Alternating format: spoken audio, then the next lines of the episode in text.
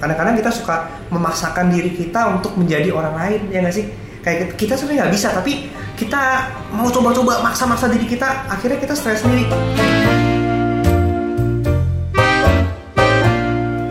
Yes, akhirnya. Halo Edi, apa kabar? Baik banget. Kita hari ini nggak berasa, kita udah sampai di episode yang kelima. Hmm. Dan gue ngerasa senang banget sih, karena dari empat episode yang udah kita jalanin, ini responnya sungguh sungguh positif sih. Bagus banget ya. Iya. So tapi eh, di episode kelima ini kita mau ngomong sesuatu yang lebih asik, yang mungkin sangat relatable sama anak-anak zaman sekarang. Iya nggak sih? Wait, wait. Kita belum kenalin diri dulu nih. Oh iya. So di sini hari ini temenin sama William Sudana. Dan gue Edi Hartono. So welcome to Mikir Mulu. Ini adalah sebuah podcast yang mengajak kalian untuk gak mikir kelamaan dan segera take action. Dan kebetulan hari ini kita ada di kantorku Coworking Space City Walk Sudirman. Itu. Dan episode ini Ed, kita mau ngomongin apa? Gimana jadi content creator?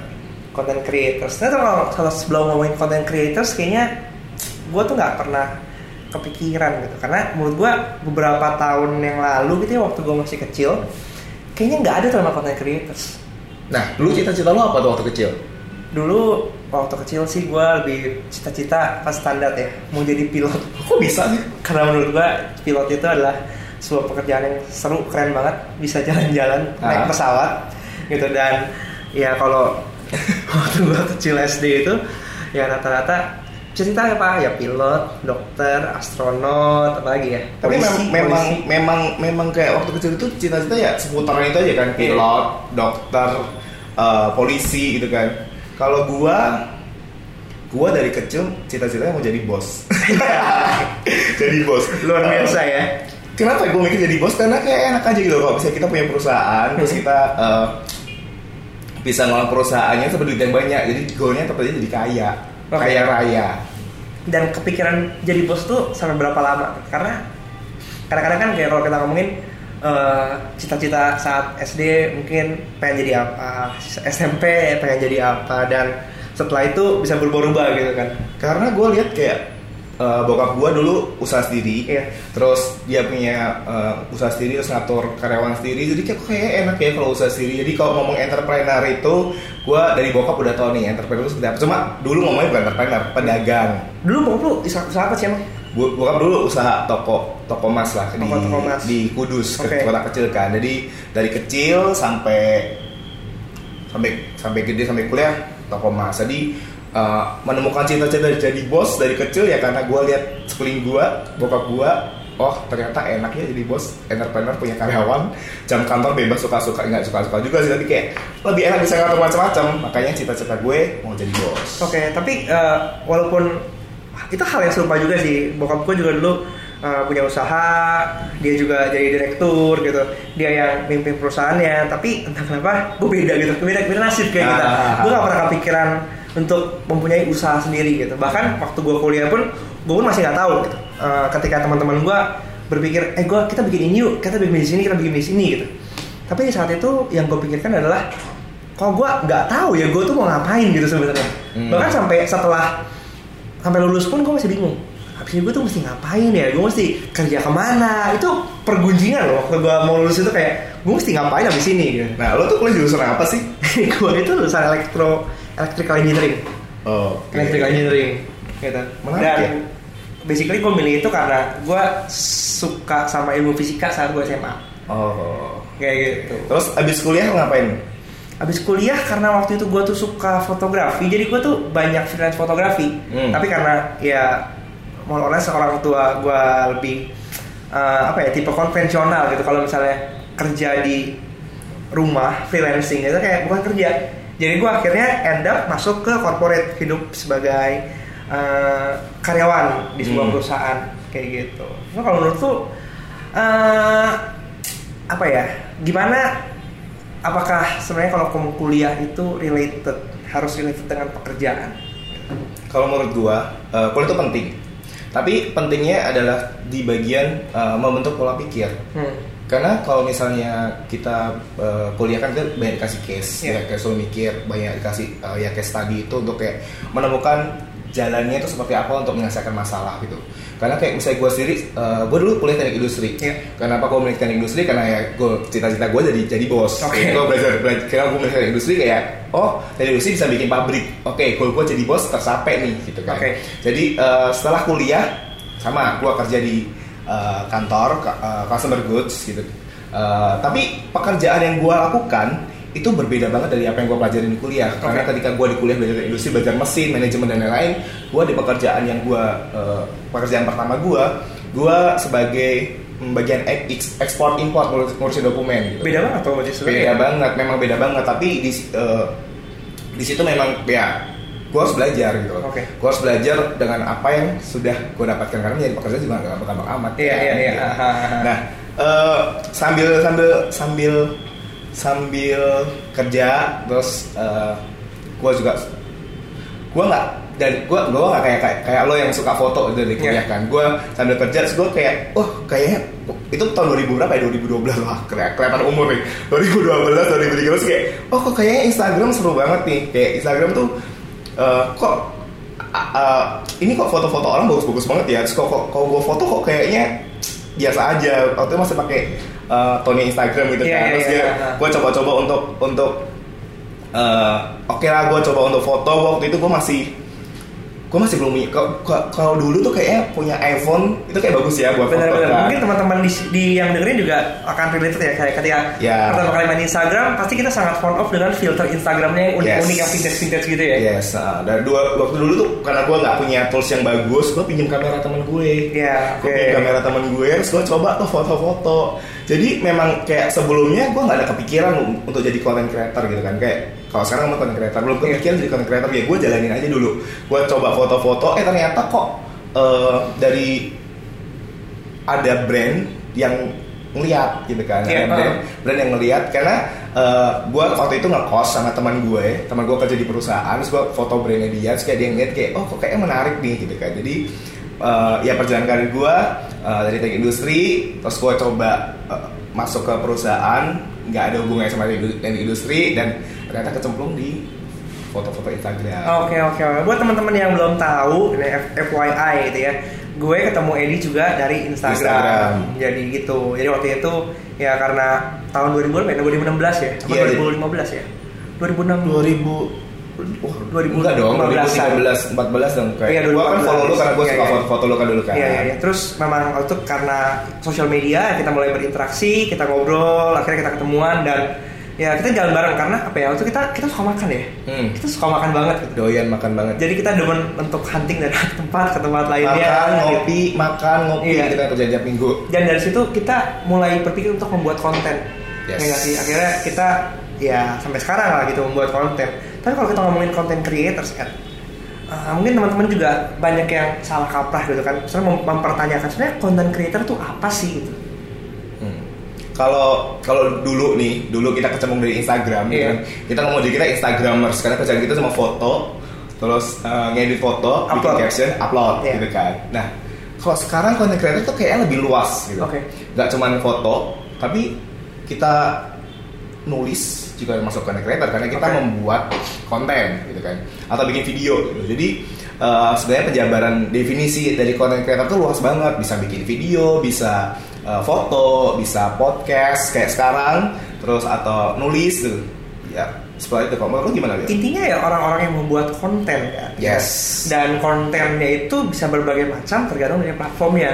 Hmm. Tapi kalau ngomong lagi ya konten adalah hmm, kalau gue definisikan menurut gue sih sesuatu yang ada di pikiran kita yang kita kuasai, yang kita ketahui dan mau kita bagikan ke orang lain. berarti konten itu kalau content creator itu berarti harus mengeluarkan hasil karyanya Iya sesuatu yang sesuatu yang yang kita tahu ya sebenarnya Hmm, ya kayak hmm, gitu kan. hmm, Nggak tahu mungkin hmm. teman-teman punya pemikiran yang lain, kalian bisa eh, ikutan bersuara mungkin nantinya bisa ikut komen juga apakah definisi konten kreator menurut teman-teman sekalian. Hmm. Gitu, ya nggak sih? Tapi kalau sekarang lihat gitu, konten creator ini jadi fenomena yang unik.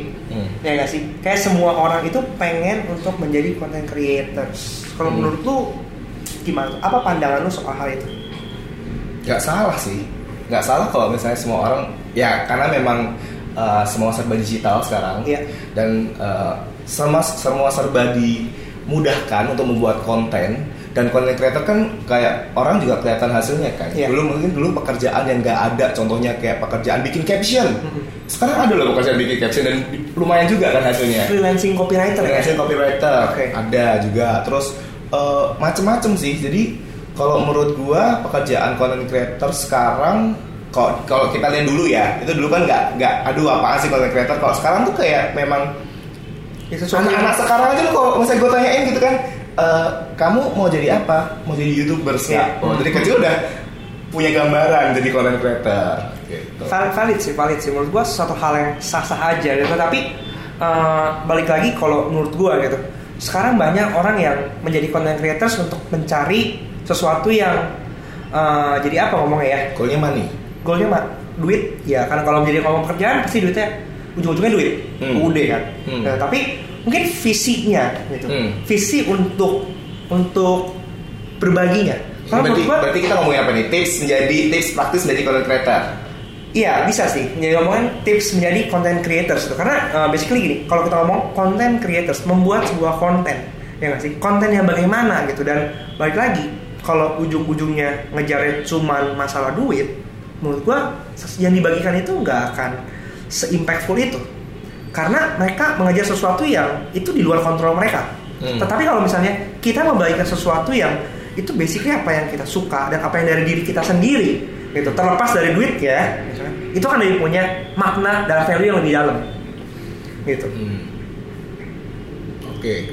Terus eh, berarti kayak kita harus tahu nih kita kita goalnya ngapain, visi kita ngapain jadi content creator. iya karena basically kalau gue sangat senang dengan konsep start with why-nya Simon Sinek Hmm. gitu Eh, bahwa apa yang lo lakukan itu harus dimulai dari kenapa Oke. Karena dengan kayak begitu kita tahu sebenarnya visi kita, eksistensi kita tuh kenapa? Gitu. Karena kalau misalnya kita ngomong kita mau ngejar duit ya. Kalau lu udah rajin bikin konten sebulan 30 misalnya atau sebulan 60, sebulan 90 konten dan itu ternyata nggak menghasilkan duit buat lu, apakah lu akan stop? Iya kan? Karena orang lu, frustasi gitu kan karena kok kayaknya effort gue tuh nggak nggak menghasilkan apa apa gitu gue nggak ke mana-mana. Nih, tapi kalau misalnya visi kita misalnya kayak why-nya kita lo ya karena gue suka makanya gue mau berbagi kan lepas kontennya dilihat orang di like orang di komen orang ya gue kan suka lakuin aja gitu Berarti harus tahu nih apa yang lo suka dulu. Iya. Apa yang lo suka sama apa yang lo bisa Iya. untuk jadi content creator. Iya. Jadi mungkin kita langsung ke tips praktisnya aja kali ya. Praktis. Kayak gimana cara menjadi content creators gitu. Karena saat ini ini adalah jenis pekerjaan yang cukup digandrungi Mhm. dan orang-orang suka juga. Mhm. Jadi pertama, Pertama. kalau tadi yang udah gue bilang, pertama kita harus cari tahu sebenarnya apa yang lu bisa dan apa yang lu suka. Oke. Karena itu hal yang paling simple gitu. Kadang-kadang kita suka memaksakan diri kita untuk menjadi orang lain, ya nggak sih? Kayak kita sebenarnya nggak bisa, tapi kita mau coba-coba maksa-maksa diri kita, akhirnya kita stres sendiri. Hmm. Ya kan? Karena kalau kita ngomongin sekarang kita di depan tadi udah bahas bahwa ya mungkin teman-teman harus ingat juga konten ini sekarang luas banget gitu.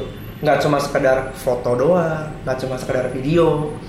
Ada soal tulisan, ada soal yang kita ngomong cuap-cuap begini juga itu bisa jadi konten gitu. Sebenarnya cari tahu apa yang paling kalian bisa. Jadi gue juga mau ngajak teman-teman untuk sekarang refleksikan sebenarnya apa sih yang kalian bisa apa kalian lebih jago nulis kalian lebih jago foto kalian lebih suka bikin video atau kalian mungkin lebih suka cuap-cuap kayak begini Hmm. gitu ya kan? Buat yang nggak pede ke, di depan kamera bisa cocok kali ya. bisa betul Bisa, betul. terus yang next apa lagi Yang kedua, me- menurut gue kita harus bisa mapping nih masalah apa yang mau dijawab. Iya. Contohnya eh, sekarang kan food blogger udah banyak. Iya, food blogger banyak banget dari udah udah main zaman kita dulu main Instagram di awal kan nggak terlalu banyak seperti sekarang. Iya, betul. Terus eh, semua food blogger ngomongnya oh ini makanan ini enak banget, makanan ini oke, makanan ini apa udah enak lah, enak enak enak enak gitu. Tapi kita nggak menjadi something nggak nggak menjadi sesuatu yang unik. Maksudnya kita kayak semua ngomong enak, terus ya ya udah apa yang membuat membuat problemnya problem apa nih? Kalau misalnya semua ngomong enak berarti kan kayak kita krisis. krisis krisis tentang food critics. Krisis tentang apa nih? Krisis tentang critics ya? Ya apa ya apa yang membuat lo berbeda dari yang lain ya? Kayak Iya. mungkin gitu ya? Hmm, betul. Jadi kayak gimana cara mengetahui diri kita jadi- menjadi unik? Iya, gimana cara me- menemukan apa sih yang orang lain belum belum lakukan, ya kan? Masalah apa yang ada sebenarnya saat ini di landscape yang sekarang dan gimana lu bisa menjawab permasalahan itu Ini gue punya contoh nih bagus sih. Eh, Instagram namanya set food. apa set set food. Set food, Iya. gitu kan. Jadi di saat semua food blogger ngomong eh, enak enak enak gitu kan, ada Instagram namanya set food. Eh, dia ngerigram orang-orang deh, orang-orang yang cerita nih, Iya. oh misalnya gue ke restoran A, terus wah lihat buku menunya bagus banget ya, begitu dikeluarin dedek kayak zong gitu. Zong.